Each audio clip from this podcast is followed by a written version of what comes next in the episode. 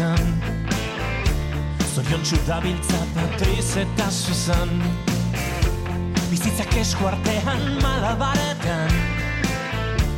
Itzuliko nahi zulen hau hemen ez bazara. Lekuak leku ez diren lekuetan Inork ez du sustrairik botatzen lurrean. Aguroz pinduen eta ongietorrien Lekuko diran leku ez diren lekuak. Takeroarekin ezin jolastuta Bazoa zurruti. Egun amaigabetan Ez zara nirekin Ametxan zaindari. Lekuak leku ez diren lekuetan zara Eta inork esperantza galdua badauka ¿Qué tal estáis? Aquí nos encontráis ante los micrófonos de Radio Euskadi. Esto es el programa La Casa de la Palabra. Tenemos un archivo de 25 años, lo vamos a utilizar y vamos a recuperar tres entrevistas, en este caso emitidas en 2021. Uno de nuestros protagonistas, el primero de ellos, va a ser Javier Cacho, uno de los mayores entendidos internacionales en el continente antártico. Tanto es así que el Comité Científico para la Investigación en la Antártida, el SCAR, ha bautizado un islote como Cacho Island, le ha puesto el apellido a, nuestro invitado, a Javier Cacho. Y Javier Cacho en esta ocasión pues, va a hacer referencia a su libro Héroes de la Antártida, sobre la historia del descubrimiento del continente blanco. Estaremos también con otra persona que ha dejado huella, como Javier Pascual. Es uno de los fundadores de SUA y. Con el tiempo esta editorial ha producido una larga lista de publicaciones sobre viajes, senderismo, montañismo y naturaleza.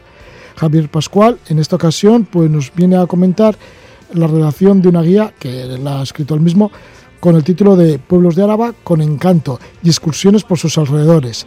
Así que Javier Pascual nos descubre algunos de los pueblos más inéditos de la provincia alavesa. También estaremos con Iker Estibarlanda. Él es el director de un corto documental que lleva el título de Before and Day, antes de que me muera es la narración de una mujer que habita en una pequeña isla del lago Victoria en la orilla que pertenece a Kenia. Relata las difíciles condiciones de vida y el sometimiento que deben a los pescadores donde se ven obligadas a cambiar sexo por pescado. Esto es La Casa de la Palabra. Nos vamos con estos héroes de la Antártida.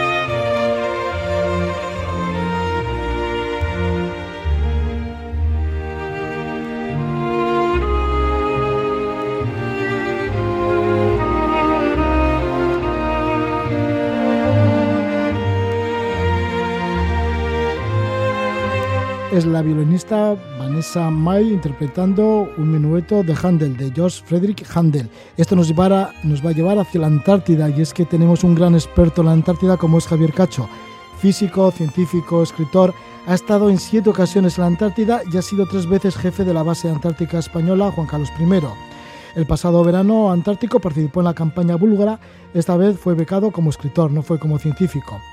En mayo de 2020 nombraron a una isla con el nombre de Cacho Island, en reconocimiento a la labor profesional en el campo de la atmósfera y a su teoría de divulgación de la historia de las expediciones polares. Javier Cacho publica Héroes de la Antártida, se edita por Fórcola. Es su quinta obra sobre exploradores de los hielos. En esta ocasión retrocede 200 años atrás, nos lleva a los primeros tiempos de los navegantes que intentaron pisar el continente de hielo.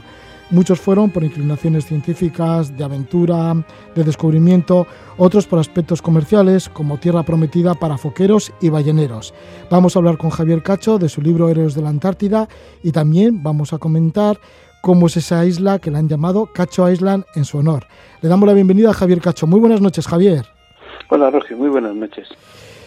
¿Cómo el hombre se plantea el descubrimiento de un lugar recóndito, alejado e inhóspito como es la Antártida, que está rodeado por por mares tremebundos y demás. Claro, se planteó el descubrimiento de la Antártida porque eh, eh, los griegos intuyeron, desde Aristóteles intuyeron que existía un continente antártico por unas razones un poco extrañas, para compensar las tierras en el planeta. Decían que el planeta era redondo y como había muchas tierras en el hemisferio norte, si había pocas en el hemisferio sur, se iba a dar la vuelta el planeta. Bueno, realmente el argumento no es de peso, pero, pero, pero eso hizo, eso sembró la semilla de que existía un continente antártico, un gran continente en el hemisferio sur. El problema es que después de, después de que Colón descubrió América, empezaron a buscar ese continente en, en, el Pacífico, pensando que sería un continente igual que América que, se llegaría hasta, hasta los trópicos y por lo tanto podría tener eh, pues eh, eh, selvas tropicales, podría tener minerales, podría tener civilizaciones a las que a las que quitarles el oro. Y entonces todo eso llevó a, la búsqueda de ese continente. Realmente era una búsqueda egoísta en parte pero pero sí sí sí hubo, hubo siglos y siglos buscando ese continente hasta que el famoso capitán Cook recibió el encargo de encontrarlo, rodeó la Antártida, hizo una, la circunnavegó toda la Antártida y no encontró nada, no encontró ese continente, eh, por lo menos no encontró dónde se esperaba que lo encontrase. Entonces recuerdo que en su diario decía algo, alguna frase así como eh, desistir de este continente será una tierra maldita, condenada por la naturaleza, no sentir nunca jamás el calor de los rayos solares. Bueno, efectivamente, él no, logró encontrar la Antártida, pero sí intuyó por las latitudes a las que había llegado, por el frío y por, la cantidad de hielo que había en el mar, intuyó que desistir de ese continente sería un continente de hielo y nieve.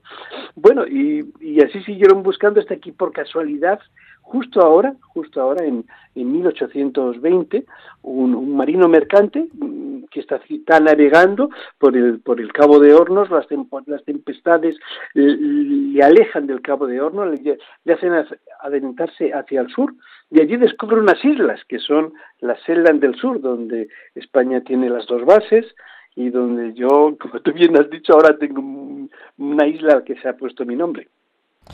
Pues sí, y ahí llegó ese hombre. ¿Y quién fue ese primer hombre que llegó este marino mercante, que llegó en el año 1820? Eh, pues eh, William Smith, verdaderamente, no tiene, es un nombre muy prosaico, y además el barco se llamaba el Williams, pero, eh, pero sí, es un marino mercante que, un gran marino mercante, fíjate, llevaba cronómetro, que así dicho, así dicho nos parece, nos parece nada, eh, pero en aquellos tiempos llevar cronómetro era mm, como llevar un, un, aparato extraordinariamente sofisticado. Muy pocos marinos llevaban cronómetro y eso le permitió, cuando divisó las islas, posicionarlas en latitud, que eso era sencillo, y sobre todo en longitud, de tal manera, si las posiciones en latitud y longitud, puedes volver a ellas. Y efectivamente fue lo que hizo, volvió a ellas volvió a ellas ya para asegurarse, porque no se lo creían, como, como el famoso capitán Cook decía que no había nada por allí más que hielos, pues, pues, pues, pues, que, que, que, que cómo, cómo iba a inventarle la plana un, un, un marino mercante eh, de, de, de. Y, pero efectivamente, efectivamente, ahí estaban las selas del sur y cuando se reconocieron las selas del sur, ya digo, ahora exactamente en este año se cumplen 200 años fue cuando ya se descubrió la península antártica, ya se vio la, eh, ya se vio la Antártida. Este marino mercante, Bullan Smith, pero otro de los pioneros fue Enrique Bull, que aparece en tu libro, Héroes de la Antártida.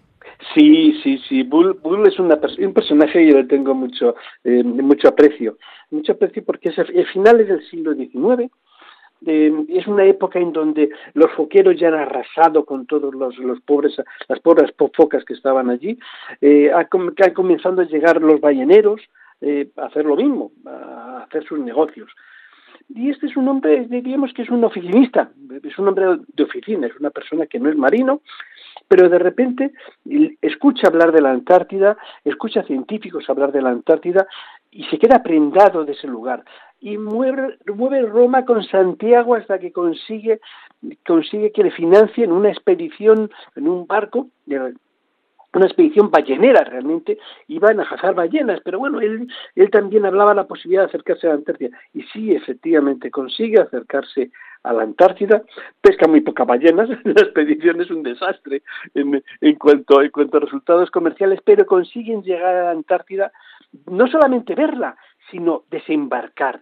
Desembarcar, llevaban 50 años viendo el continente y nadie había podido desembarcar en él y las razones son que eran barcos de, eran barcos de vela.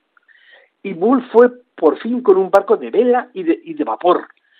Claro, los barcos de vela van a, quedan a merced de los vientos. Los vientos que soplan normalmente en la, Antártida, en la Antártida son vientos que te alejan de la Antártida y te dejan de la Antártida y, y, si estás en un mar plagado, de hielos es muy difícil avanzar hacia, hacia, hacia la costa. Y los grandes navegantes que la habían, que la habían recorrido, eh, como Ross, como Dumont Durville, como Wilkes, ninguno había podido pisar el continente. Y, y, esa gloria queda para, para una persona que diríamos que tiene pocos conocimientos marineros, el capitán del barco tampoco era un, un excelente navegante, y sin embargo, gracias al motor, consiguen llegar a la playa y pisar por primera vez, por primera vez el continente antártico. Bueno, se habla también de los tripulantes del San Telmo, pero esto ya ha sido los anteriores. Bueno, los tripulantes de San Telmo, eh, eh, vamos a ver, el barco desapareció, lo que está, lo que está firmemente probado es que, el claro, lógicamente, es que el barco desapareció en 1819, eh, en el mes de septiembre, con una tempestad tremenda, cuando, cuando intentaba, intentaba también cruzar con una flota eh, el, el, Cabo de Hornos, por las por las coordenadas que, que, dicen el último barco que lo avista, pues son coordenadas que están relativamente cerca de la Seran de Sur, relativamente cerca, pero hay que pensar que estaban en medio de una temporal. Luego yo tengo mis dudas de que esas coordenadas fuesen muy precisas. En cualquier caso, eh, sí se han encontrado restos del barco, se han encontrado restos del barco en las playas de la Seland del Sur también, en las, playas de esas islas que luego visitaría William Smith pocos meses después, se han encontrado restos, eh, pero lo que, no se, puede probar es que los náufragos llegasen. Mi opinión y la de muchos historiadores es que el barco se hundió y los restos fueron restos que, la mar pues arrojó contra las playas, que fue lo que después encontraron los foqueros, y William Smith entre ellos, eh, fue lo que encontraron, pero pero no queda claro, no, no queda claro, es, es casi, ya te digo, la opinión generalizada es que ahora es que el barco naufragó y lo que se han encontrado son restos. Sí, de estos marinos, ¿no? Que naufragaron, estos marinos españoles en San Telmo, sí. Bueno, ¿y cómo era el carácter de estos héroes que has estudiado en tu libro, Héroes de la Antártida? Em, ¿Cómo era el carácter? Porque, claro, eran grandes líderes, eran anegados, porque iban a una aventura muy incierta. Bueno, tenemos de todo, tenemos de todo, desde la época de los de los balleneros o de los cazadores de focas que verdaderamente iban a hacer negocio, pero pese a todo eran unos grandes marinos. Eh, que buscaban solo el fin económico, efectivamente, pero eran grandes marinos. Y hay algunos que eran foqueros y, y, otros balleneros y que no y trataban de compaginar eh, sus ganancias para que para, para que fuese rentable el viaje para él y para la tripulación y para el armador por supuesto pero también trataban de compaginarlo con, con datos científicos con datos con datos eh, geográficos. Estoy pensando Weddell que, que en su honor luego le pusieron el mar de Weddell o Larsen, el ballenero, el, gran ballenero de, la zona. Bueno, eh, eran, eran gente así, y en general eh, todos son, eh, son gente decidida, son gente decidida, gente que se ilusiona por un tema y que está dispuesto a arriesgar la vida para intentar llegar donde nadie ha llegado. Es, es el máximo exponente de los seres humanos, esa curiosidad por llegar donde nadie ha llegado. Pues, pues son así, personas con gran decisión, dispuestos a pasar, como ya digo, penalidades, pero para intentar aportar algo, aportar algo, llegar, eh, ver algo que, que nadie ha visto, descubrir algo. Son gente así, gran capacidad de, de luchar. Javier, ¿y tú qué has querido descubrir en estos pioneros de la Antártida? Como persona que supongo que amarás muchísimo a la Antártida, que ya has hecho siete expediciones en la Antártida, seis de ellas científicas, la última como escritor seis, pues bueno, pues hay en la base antártica española, bueno, ya hemos dicho tres veces de jefe de la base antártica española, La última has estado además con, en una campaña de mm, búlgara. Eh, bueno, eh, ¿qué has querido encontrar también en estos, en estos personajes, en estos héroes que dices de la Antártida? Pues mira, he querido encontrar he, querido encontrar modelos para nosotros. Vivimos una época en donde tenemos de todo, en donde todo está al alcance de nuestras manos, y esta eran gente que con muy pocas con muy pocas posibilidades, con muy poquitas cosas, trataban de, hacer cosas muy grandes. Y yo creo que ese espíritu, ese espíritu de pioneros, ese espíritu de luchar denodadamente, es lo que yo he querido encontrar y es lo que trato de plasmar en los libros. Que, que esos ejemplos de tenacidad, de fortaleza, de compañerismo, de, amistad, de lealtad, que no se pierdan que no, que no se grandes, esas grandes epopeyas de Scott, de, de, de Edmundsen, que, que, que, que, no las oculte el tiempo, que, vuelvan una y otra vez porque al imaginario de nuestros jóvenes, de nosotros, y en especial de nuestros jóvenes, para que, para que les sirvan de modelo. Eh, sí, es importante tener modelos en la vida y, y, estos hombres creo que lo son, por lo menos para, para mí lo han sido. Es un modelo también el propio continente, la Antártida, porque hace 200 años pues sí que algunos iban a esquilmar la Antártida, sin embargo ahora está protegida. Totalmente de acuerdo. Hemos pasado de la barbarie a la esperanza. Es un continente que no hay fronteras, es un continente que, que, eh, que, que, la única labor que se admite es la labor científica, es un continente donde los, los países cooperan unos con otros, donde hay solidaridad entre todos los científicos, donde tú puedes solicitar ir a realizar tus investigaciones a las bases de cualquier país. Y normalmente si presentas un buen proyecto te dejan a ti, lo que eso significa tener que dejar en casa a otro científico de su país. Y sin embargo se hace en todas las bases siempre científicos de otros países, eh, solidaridad, compartir recursos. Es un continente, es un continente donde hemos logrado parar la explotación de las riquezas minerales, donde estamos tratando de proteger los mares, eh, los peces eh, de, los mares que, la circundan. Mm, es el continente de la paz, de la ciencia y sobre todo de la colaboración entre los seres humanos. En el mes de mayo nos llegó la noticia de que han nombrado a una isla de la Shetland, de la del Sur como Cacho Island. Y esto pues se recoge ya en el Diccionario Geográfico Internacional del SCAR. ¿Qué es el SCAR? El SCAR es la máxima autoridad científica antártica. Diríamos que es el que el que el que refrenda, el que refrenda la propuesta que hicieron eh, los, científicos búlgaros, el Comité de Topónimos de, Bulgaria, para nombrar a una isla con mi nombre. Nombrar, no renombrar, quiero decir, lo que no se puede hacer en la Antártida, como cualquier accidente geográfico, es quitar el nombre y poner otro. No, no, eh, tienes que poner nombres accidentes que no, accidentes geográficos que no, que no lo tengan.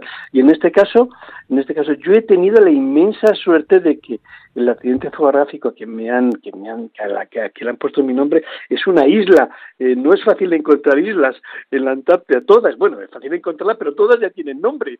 Todas tienen nombre ya. En el archipiélago de las Islas del Sur tiene 11 islas grandes, grandes islas, y después tiene lo que llaman los británicos islas menores, unos 30 o 40, no llegan a 40, islas menores, entre las cuales está eh, Isla Cacho. Y está, y está porque durante mucho tiempo se creyó que era el brazo de una península, de una península que está unida a la, a la isla de Snow. Se creía que era una península porque, eh, porque estaba, pues, el estrecho estaba cubierto, el estrecho, que no mide más que 30 metros, 30, 40 metros, de, estaba cubierto de hielo, con lo cual la apariencia era que era una continuación cuando bueno ese hielo se ha, ha, desaparecido, se ha visto que efectivamente hay un estrecho entre medias que tiene bastantes metros de profundidad, con lo cual eh, ese, ese brazo de la península no era tal, sino que era una isla, una isla que no tenía nombre.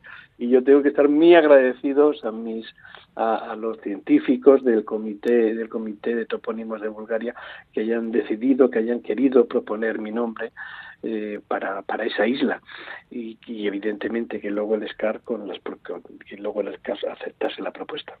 ¿Cuál es la extensión de esta isla de Cacho Island y cómo es la, la orografía de la misma? Bueno, eh, es, es, pequeñita. Porque tú la has visto allí en tus expediciones no, no la Antártida. No la he visto. Estuve muy cerca de, ella, estuve cerca de ella, estuve a 13 kilómetros y si hubiese tenido una bola de cristal, pues casi con uno prismático la hubiese podido ver, pero pero no, no, no, no en aquel momento evidentemente hace, mucho, hace, fue hace 14 años, no, no, evidentemente no podía ni imaginarme que, que le iban a dar a un trozo de la Antártida mi nombre como conjunto iba pasar a la historia como los grandes exploradores.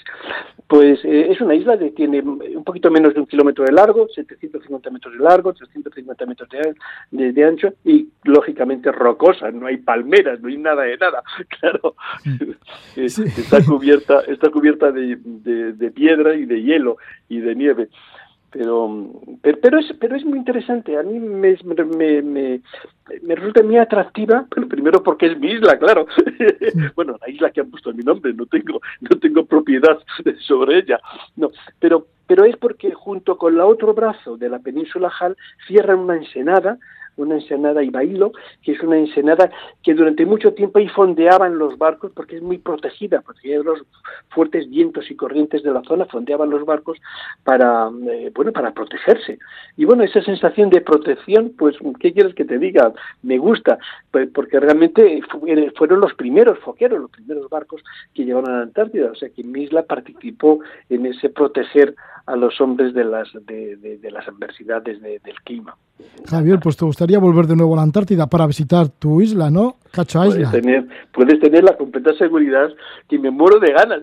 No sé cómo hacerlo porque no es, no es sencillo, evidentemente, ir a la Antártida. Yo he tenido la gran suerte de que, de que me, admitieran eh, dentro de la campaña búlgara de este año, dentro de la parte que ellos llaman el programa cultural, donde llevan a, eh, llevan a gente de, de, pues llevan pintores, llevan escultores, llevan poetas, y llevan escritores, y entonces eh, conseguí que me admitieran, y claro, para admitirme a mí tuvieron que dejar a otro búlgaro en su país, y, con lo cual es lo, es lo que decía antes, esa generosidad de los búlgaros en este caso, pero en general de todos los países que tienen bases en la Antártida, de, de, colaborar los unos con los otros.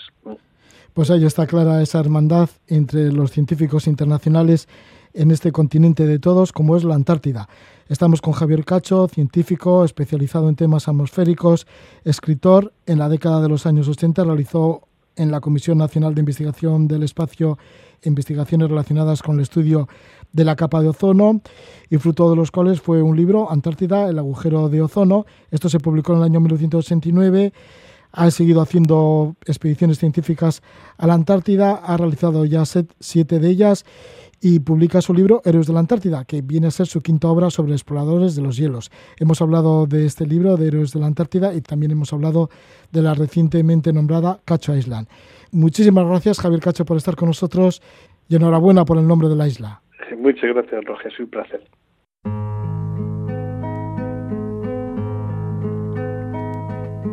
Araba, hoy Araba, su tesare aitaren, saspigarren alaba, araba.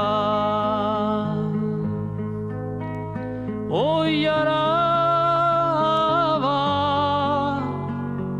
zuote zare aitaren, zazpigarren alaba.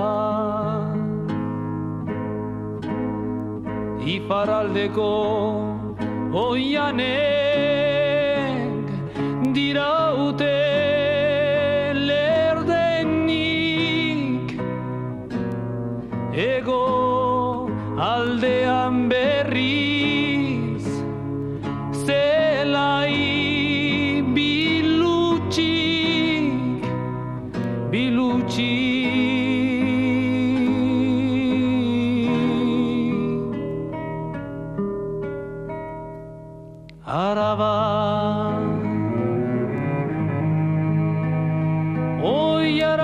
Es una de las canciones más conocidas de Jorka Kenner Áraba, le canta a su territorio histórico y aparece en los versos de esta canción en la introducción de una guía, una guía que lleva el título de Pueblos de Áraba con encanto y excursiones por sus alrededores. Estamos con su autor, con Javier Pascual Otalora.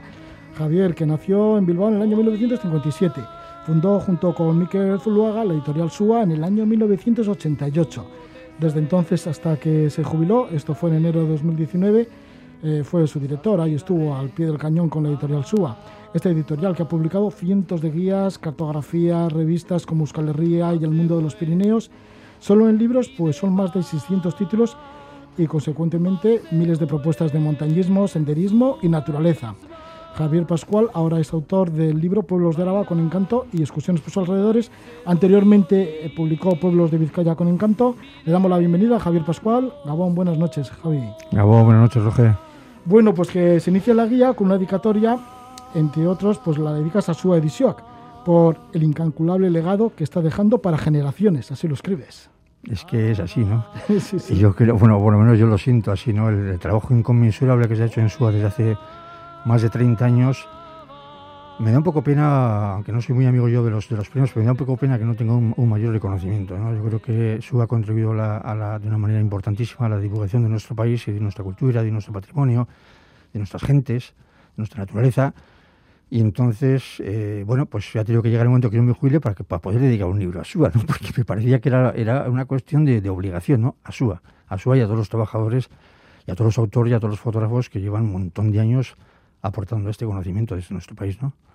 Y claro que sí, porque son además, o sois bastante entusiastas. Siempre que aparece por aquí algún libro de su edición, el autor es, vamos, que está volcado en el lugar en donde está, le encanta todo muchísimo, lo vive con pasión, se patea en Euskal Herria, os habéis pateado Euskal Herria, vamos, no sé si habéis dejado algún rincón sin publicar. Yo creo que sí, a veces una de las contradicciones que tenemos tener a veces, y yo lo he tenido en este libro, es eh, si merece la pena dejar algún, algún rincón sin publicar. A veces tengo la tentación, yo en este libro en concreto, luego hablaremos, hay un par de pueblos que no los hubiera publicado porque no quería que la gente, porque te parece como que es un lugar sagrado, ¿no? Y entonces hemos descubierto tantos sitios que antes, hace 20 o 30 años no iba nadie, que luego ves que se han masificado y te da como un poco pena. Te, sientes un poco responsable, ¿no? Algo de culpa tengo que tener yo, ¿no? Por haber contribuido a difundir este espacio tan maravilloso que ahora se está deteriorando, ¿no? Pero bueno, eh, no queda otra que movernos en ese, en ese ambiente. Javi, bueno, me gustaría, enseguida vamos a ir con estos pueblos de Áraba con encanto, hablar de algunos de ellos en concreto, pero me gustaría que nos recordases un poco los principios de SUAC, de SUA Edición porque me acuerdo que la editorial SUA, antes de la editorial SUA, ya teníais una librería, que llama la librería Borda, que estaba en el casco viejo de Bilbao. Bueno, y enseguida empezasteis a editar libros. Bueno, un poco la inversa fue. Ah, fue la ¿Eh? inversa. primero SUA y luego la librería. Primero montamos la editorial SUA en el año 88 con un título que alguna vez te he contado ya hace 30 años, porque me acuerdo que estuvimos juntos hace más de 30 años aquí en una entrevista también. Hicimos el libro de Rutas y Paseos eh, para, para de Miguel Angulo, ese fue el primer libro de SUA y al cabo de un año ya sacamos, eh, eh, eh, creamos la, pequeña librería Borda en la Plaza Nueva de Bilbao, que era una librería de apenas 30 y pico metros cuadrados, y luego ya dimos un paso de gigante y fuimos una librería un poquito más grande ya con material de montaña y demás, ¿no? Pero bueno, los inicios fueron la edición de los libros, y paralelamente fue luego la librería, luego posteriormente esa librería se integró en Elcar, y, luego pues desapareció, ¿no? Y, la editorial siguió su camino con los libros y con las revistas, como te has comentado antes, con la escuelería, con el mundo de los Pirineos, y bueno, hasta ahora cómo fuiste creando todo un núcleo, ¿no? De, periodistas, también de, senderistas, de gente que amaba la montaña. Hmm. Claro, porque para crear revistas como fue Euskal Herria o como es el mundo de los Pirineos, se necesita mucha gente alrededor, ¿no? Y muchos consejeros, muchos asesores. Eso te iba a decir, ¿no? Ahora me especialmente cuando, cuando me estabas hablando un poco del pasado, me estaba acordando de Emilio, Emilio Hernando, ¿eh? que ya eh, le conocerás, fallecido desgraciadamente, nos dejó hace unos años. Uno de los grandes de la ¿eh? montaña. Uno de los grandes del alpinismo de la montaña de este país y, uno, de los grandes comunicadores de la montaña también, una, una gran, grandísima persona. ¿no? Y él fue precisamente uno de nuestros consejeros. ¿eh? Cuando empezamos a andar no sabíamos ni por dónde, por dónde nos daba el aire y, y, Emilio fue uno de los, de, los, de algunos de los que comentamos con él, oye, ¿conoces a alguien del mundo de la montaña que pueda escribir algo? Y me acuerdo que él nos recomendó el equipo de, gente que hizo el libro de Montes de Vizcaya, Alberto Muro, que has entrevistado una vez, Tito Muro, un gran, personaje. Muchas veces, además. Muchas veces has entrevistado. Bueno, pues él, Emilio nos mandó donde, donde, donde Tito, ¿no? Y luego ya se establece una cadena, ¿no? Tito conoce a otro, el otro conoce a otro, el otro conoce a otro. Entonces, como eh, eh, antes has dicho muy bien, aquí hay mucha pasión, ¿no? Y entonces toda la gente que está en el mundo de la montaña quiere contar algo, ¿no? Y, es que no quiere ganar dinero, quiere contar algo, no quiere contar lo que ha escrito, lo que ha, lo que ha, lo que ha pateado, lo que ha vivido y a partir de ahí se, establece una cadena hasta tal punto que, nos veíamos desbordados todos los años. Es decir, no nos costaba realmente eh, eh, publicar, hacer una, una, una, un plan de edición anual porque teníamos de sobra libros, vamos, de sobra libros y de sobra autores, ¿no? Y de calidad. Y no solo habéis abarcado Euskal Herria, sino que también tenéis guías especiales en Cataluña, de Aragón, de Asturias, de Galicia, por supuesto de todo el Pirineo. Sí, por supuesto. Al principio cuando empezamos hace muchos años además teníamos también unas, muchas guías del mundo, ¿no? Me acuerdo de una guía de trekking de Nepal, traducíamos a Lonely Planet, traducíamos a Moon, traducíamos a las grandes editoriales, a las editoriales más punteras del mundo, ¿no? Pero bueno, eso ya era imposible de mantener ese ritmo de publicaciones, no era económicamente viable y entonces nos centramos un poquito en lo que es nuestra tierra, Euskal Herria, y luego eh, lo que es nuestro, nuestro, entorno fundamental donde nos dirigimos fundamentalmente los vascos, ¿no? que es pues, Cataluña, Aragón, Galicia, y por supuesto el, el, el, icónico Pirineo que siempre está presente en todas nuestras publicaciones, ¿no? en casi todas nuestras publicaciones, claro. Bueno, pues esto es un poco el germen y cómo ha seguido evolucionando su edición y estamos con uno de los fundadores, Javier Pascual Otalora, junto con Miquel Zuluaga, que también le damos un saludo a Miquel. Mm. Bueno, y el caso es que ya nos vamos a este libro, a Pueblos de Araba con Encanto, que bueno, que viene dentro de un recorrido que estáis haciendo a, a pueblos eh, con encanto de Nafarroa, de Guipúzcoa, de Vizcaya, y ahora tocaba. Uh -huh. Entonces, bueno, ¿qué, ¿qué, características tiene Álava referente a los demás territorios históricos y así? Jope, pues yo te diría, como digo en la introducción, que, eh, a ver, nuestro territorio, si lo, si lo analizamos por provincias, el tópico de que es un país de contrastes, que se dice siempre en todos los países, es cierto, ¿no? Es decir, en, si te vas a Vizcaya no tiene nada que ver las encarterri, las encartaciones con, con, lo que es la costa de, de, de Quicharra, por ejemplo, por, por, poner un ejemplo, ¿no? Y eso ocurre en casi todas las provincias. Pero ese contraste tan, tan, tan bestial, eh, yo no lo he vivido hasta ahora como lo he vivido en Araba, ¿no? Sobre todo en qué se concreta, pues eh, en la cantidad de pueblos y pueblecitos. Claro, Araba tiene una estructura diferente a todas las demás, se estructura por cuadrillas, las cuadrillas luego están compuestas por, por municipios y los municipios tienen los concejos y los, pueblos, los concejos tienen los barrios. Entonces te encuentras tal cantidad de pueblitos diseminados por toda la geografía alavesa, perdidos en el monte, que realmente parece que es un parte de ese país yo creo que está por descubrir. Y yo me atrevería a decir que muchísimos de los, de los que presumimos que conocemos nuestro país eh, a nivel de Euskal o de Euskal eh, y muchísimos también de los arabeses yo creo que no conocen esta, esta, esta maravillosa provincia. ¿no? Hay muchísimo por descubrir y, y, no sé si todo merece la pena ser enseñado para que se mantengan un poco con ese punto de, de, de, de, salvajismo que tienen, ¿no?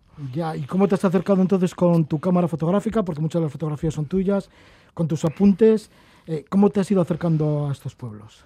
Bueno, pues primero, lógicamente, haces una, haces una labor de, investigación, eh, haces una labor de consulta, porque tenemos la suerte de contar con muchos colaboradores eh, que son alaveses, que han hecho muchos libros de montaña y de viajes de, para Suba, y luego te llenas de humildad porque eh, vas a recorrer un pueblo, que no una tierra que no conoces, ¿no? Así como Vizcaya, cuando dice libro de Vizcaya, pues es una tierra que conocía mejor que Álava, soy vizcaíno, entonces Álava no era, no era mi tierra y entonces tienes que acercarte con, con mucha humildad, ¿no? Porque vas a descubrir realmente, bueno, como, como, como, tú has comentado en tantos y tantos y tantos programas, ¿no? La humildad es una de las características fundamentales e imprescindibles del viajar, ¿no? Y entonces, bueno, pues eso es un poco la... la no, hay, no, hay, más misterio que ese. ¿eh? Sí, con humildad y también dices en la introducción de manera suave y tranquila y con los ojos muy abiertos. Sí, con los ojos muy abiertos siempre, claro. Sí, sí. ¿Y has quedado satisfecho, se te ve que sí, ¿no?, de los descubrimientos en Álava? Sí, me quedo muy satisfecho, además con unas ganas terribles de volver. Y luego, eh, además, ocurre lo de siempre, ¿no? Y cuando has hecho tu índice, has acordado el índice ya con la editorial, eh, vas, algunos pueblos igual del primer índice igual se caen por alguna razón concreta y de repente vas descubriendo otros que, que los meterías, ¿no? Pero ya no tienes más espacio para meter. Entonces yo todavía tengo esa pequeña, esa pequeña espina clavada de que hay, hay muchos pueblos más por, por, por, visitar y por conocer, ¿no?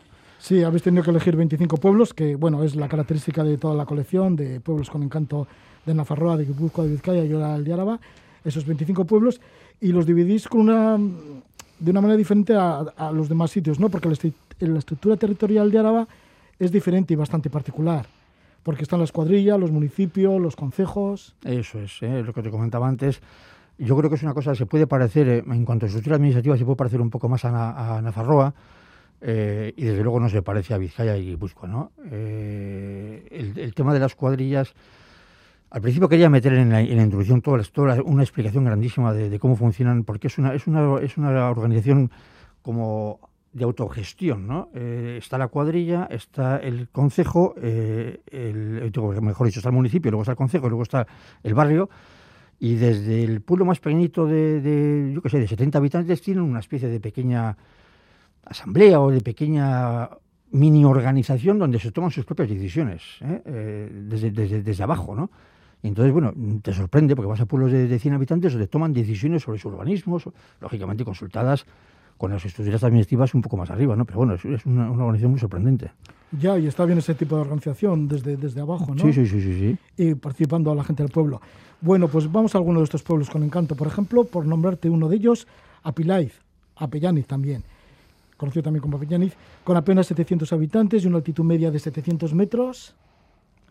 Y como digo en el subtítulo, un viaje al pasado. Yo cuando llegué a, cuando llegué a Apilaiz o Apellaniz, es uno de los pueblos que más me ha sorprendido, porque parecía que estaba retrocediendo, y no que no se malinterprete en sentido peyorativo, ¿eh? como retrocediendo en el, en, en tiempo, ¿no?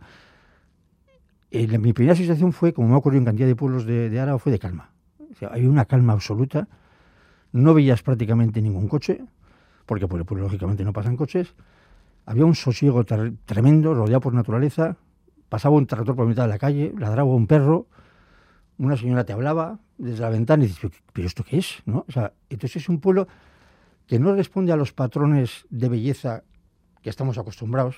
Para nosotros bello es aquello que está como muy estructurado, muy bonito, las casas encaladas, pues el parral de bello, ¿no? No, no, este tiene otra belleza. Por eso el libro se llama Pueblos con encanto, no pueblos más bellos, ¿no?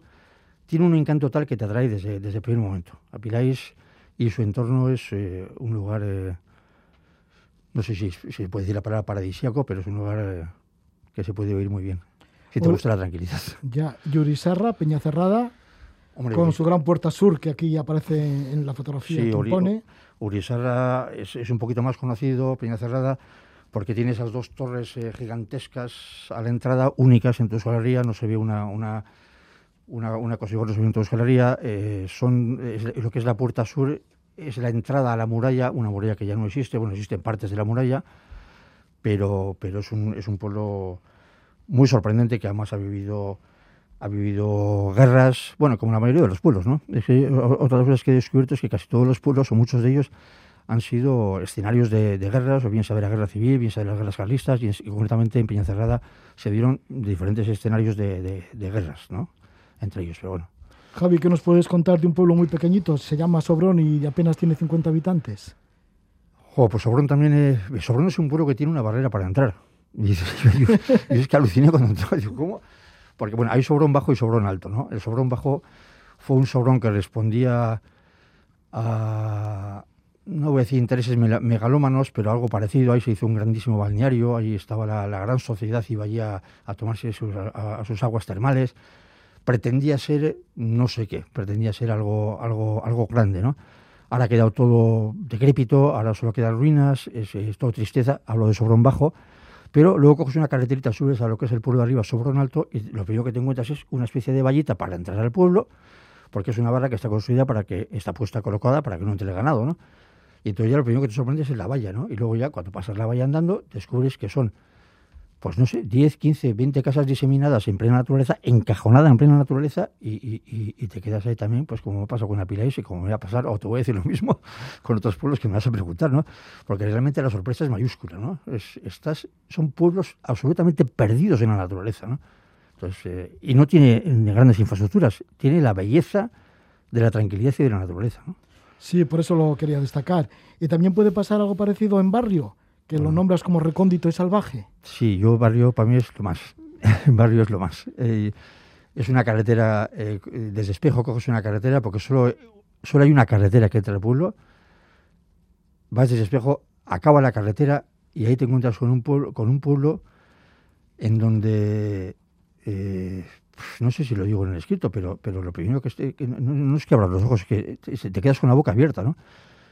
Porque no tiene tampoco eh, grandes, eh, un patrimonio artístico eh, importante, aparte de su maravillosa o preciosa iglesia, pero está ubicado debajo de la peña de Bachicabo, con un, con, con, además con, con oferta, con oferta, con oferta hostelera, ¿no? pero la, ubicación, la tranquilidad, la gente que, que te comentaba antes, la gente que te sale a hablar, ¿no? Es un, es un lugar, es de los lugares que te comentaba antes que tenía, ¡ah! me quedó como, como que no sé si he hecho bien descubriéndolo. Ah, ya, bueno, pues que quede ahí, lo vamos a borrar. Sí, no, no, porque yo, yo les preguntaba a los del pueblo y me decía, sí, hombre, sí, que venga gente, hombre, que venga gente. Entonces, claro, Ah, sí, bueno. ellos quieren que venga gente para, que, para, para hablar con gente, pero dices, "Me- como vaya gente, ¿qué va a pasar? ¿no? Bueno, es un pueblo que merece la pena ser visitado. Ya es que llegas a- al pueblo, a barrio, y dices, parece que estoy perdido, ¿no? Parece Sí, que sí, estoy sí. en un sitio que no... Efe- Efectivamente, esa es la sensación. La sensación es que parece que estás perdido. Me habré equivocado, doy vuelta al coche y me he ido. No, no, no, no estás perdido, estás en un, sitio- en un sitio maravilloso. Sí. Otro más, este sí que más conocido, Zalbondo, sobre todo por los carnavales y así. Claro, Zaldundo es, eh, tiene dos personajes además muy importantes, muy conocidos, como es el personaje del, del carnaval, Marquitos, que le coge simpatía, aunque todos los años le dan fuego al pobre por todos los eh, pecados que ha cometido y por todos los daños que ha hecho a la naturaleza, pero le coge simpatía a Marquitos y luego tiene el famoso personaje de Celedonio, ¿no? El- las fiestas de Celedón de, de eh, eh, se hacen en, en recuerdo a este, a este, este hombre nativo de, de, de Zaldundo que era Celedonio, ¿no? Y que era un hombre que, que iba a Gasteiz, era un chuflero, y entonces pues, de ahí sale el nombre, ¿no? Y luego, independientemente de esos dos personajes, está situado en las, faldas del, en las faldas del Parque Natural de Iscorri, y es otro pueblo con unas casas torres maravillosas, preciosas, un museo etnográfico también digno de destacar, unos paseos muy bonitos, yendo para Iscorri, yendo para, para un roboledar de, de- que tiene allí maravilloso también. Zaldundo es un lugar de paz, de tranquilidad, es un lugar de pelea también, han peleado mucho por el euskera. Vive poca gente y como estos pueblitos que estamos comentando, eh, son gente que te acoge eh, de forma maravillosa. ¿no? Para terminar, igual cerramos con La Guardia, que sí que es conocido, muy conocido. Sí, claro, la Guardia es uno de los iconos de, de, de Ego Euskal Herria o de Euskal Herria, ¿no? Eh, hemos hablado de pueblos pequeñitos, pero claro, en, ese libro de pueblos de Araba hay pueblos muy conocidos y grandes como Agurain, como Arciniega, como La Bastida, como La Guardia, ¿eh? que eh, la mayoría de la gente sí conoce, ¿no? Pueblos de la Rioja Alavesa hay muchos, y La Guardia es uno de ellos, es un icono, y que voy a descubrir de La Guardia que no, que no se sepa, ¿no? De- el pueblo del, del fabulista Félix Amaniego, el pueblo de las bodegas, el pueblo del estanque celtibérico, el pueblo de las lagunas, el pueblo de los vinos, eh, bueno, la guardia es, yo creo que lo resume todo, ¿no? O el pueblo de los autómatas que salen ahí eh, a ciertas determinadas horas del día eh, en, el edificio del ayuntamiento, ¿no? Entonces, bueno, la guardia es que lo tiene prácticamente todo, ¿no? La Guardia y otros 24 pueblos más aparecen en, este, en esta guía. Pueblos de Áraba con encanto y excursiones por sus alrededores, porque además, luego, además de describir cada uno de estos pueblos y lo que tienen, pues también hay alguna excursión bien bonita para hacerla alrededor. Y estamos con su autor, con Javi Pascual Otalora. Javi Pascual, que es uno de los fundadores, junto con Miquel Zuluaga, de la editorial SUA, que la fundaron allá por el año 1988. Le agradecemos muchísimo a Javier Pascual Otalora que esté con nosotros compartiendo este, este rato aquí de la noche en la Casa de la Palabra. Un agradecido a ti, Roge, como siempre. Muchas gracias. Ricasco. Un fuerte abrazo, Javi, que te vaya bien. Venga, lo mismo. Yo, yo, yo.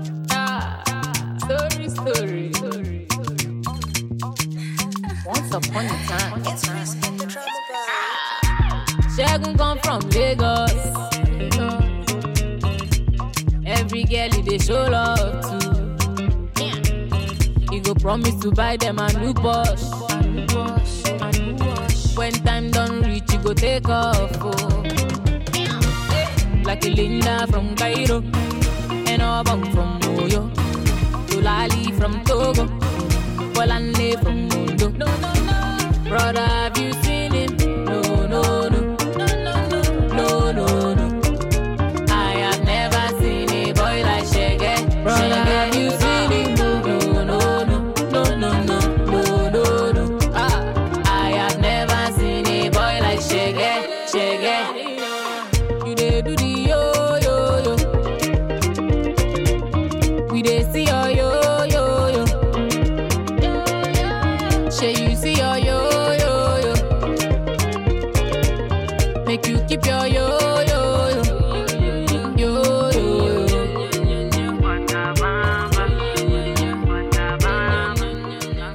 Yo Yo Yo de Jimmy Alade, cantante de Nigeria, en su disco Empress.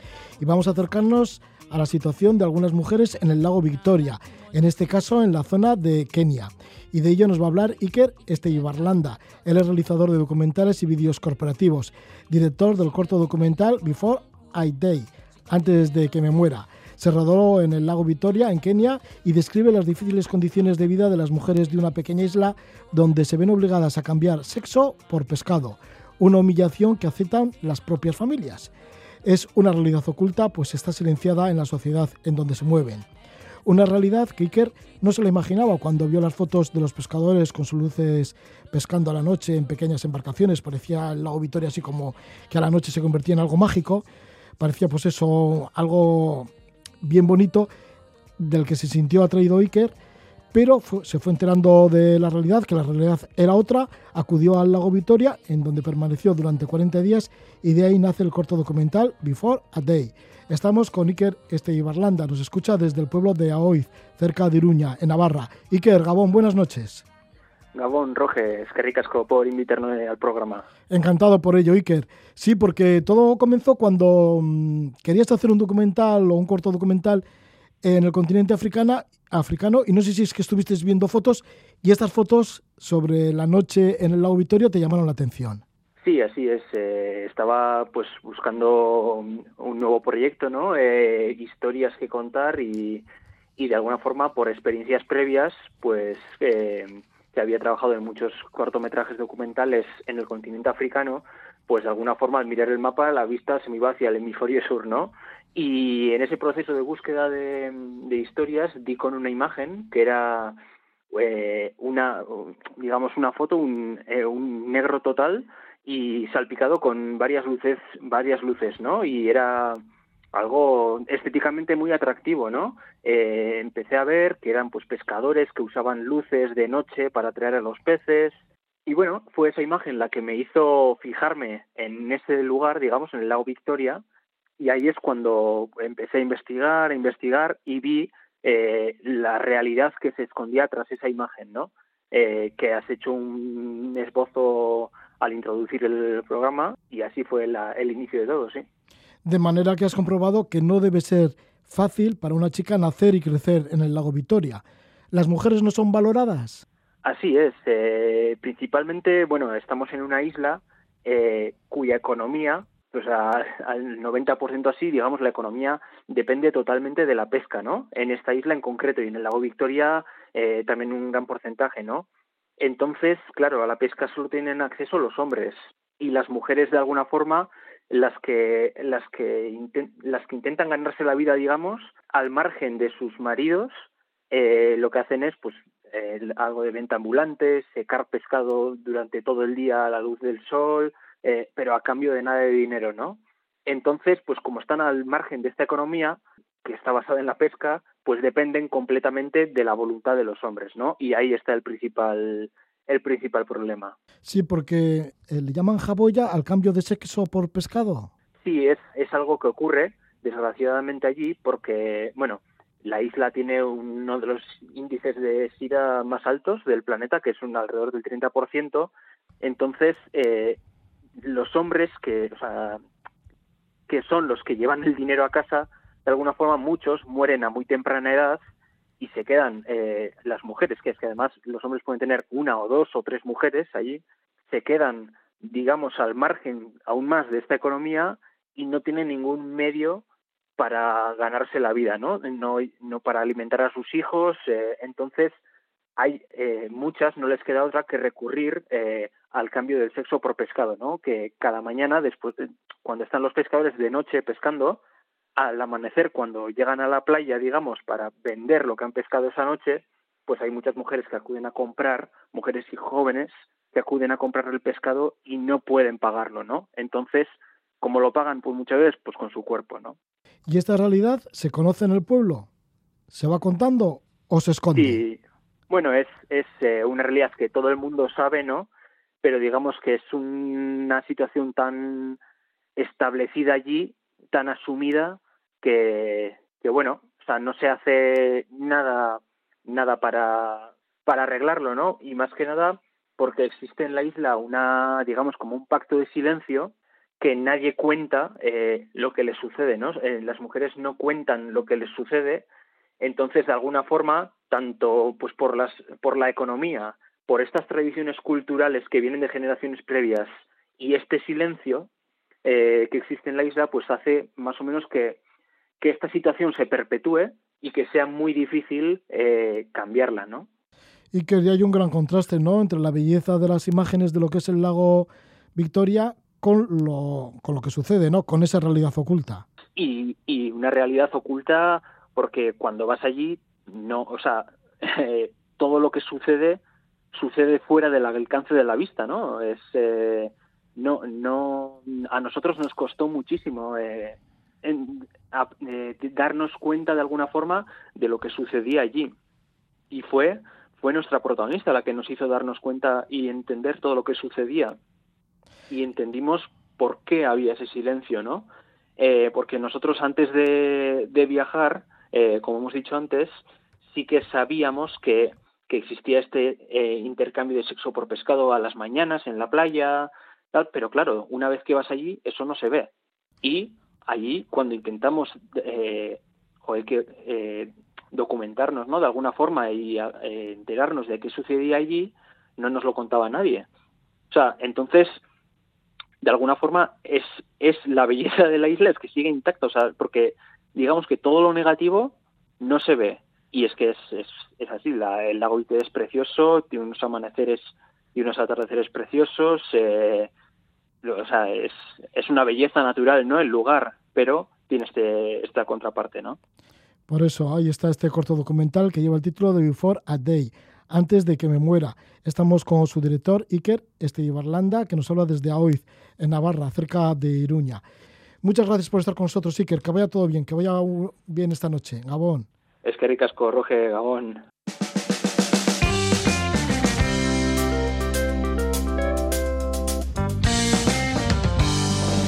Iker Esteibarlanda acudió al lago Vitoria, en donde permaneció durante 40 días y de ahí nace este corto documental Before a Day. Estamos escuchando la música del grupo de Bayona Africun, que tiene bastante influencia del rock africano, del afrobeat o también de la música del blues del Sáhara. Escuchamos el tema S10 es Opilo. Ha sido todo un gusto compartir con vosotros. Que vaya todo bien.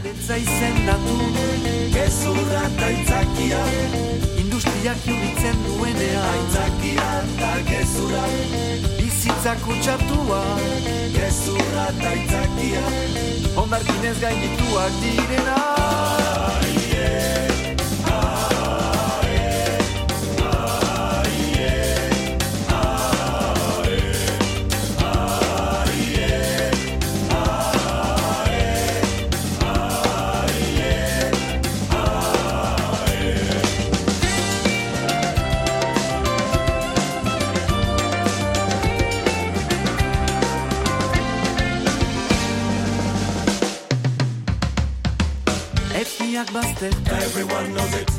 Ezeten ez opi Everyone says it. Moskin gizartea tiranoak denetan. Except who benefits from it. Izigabeko motzonua Everyone knows it. Mugagabeko basua Everyone says it. Efektu berri bat arna sartzea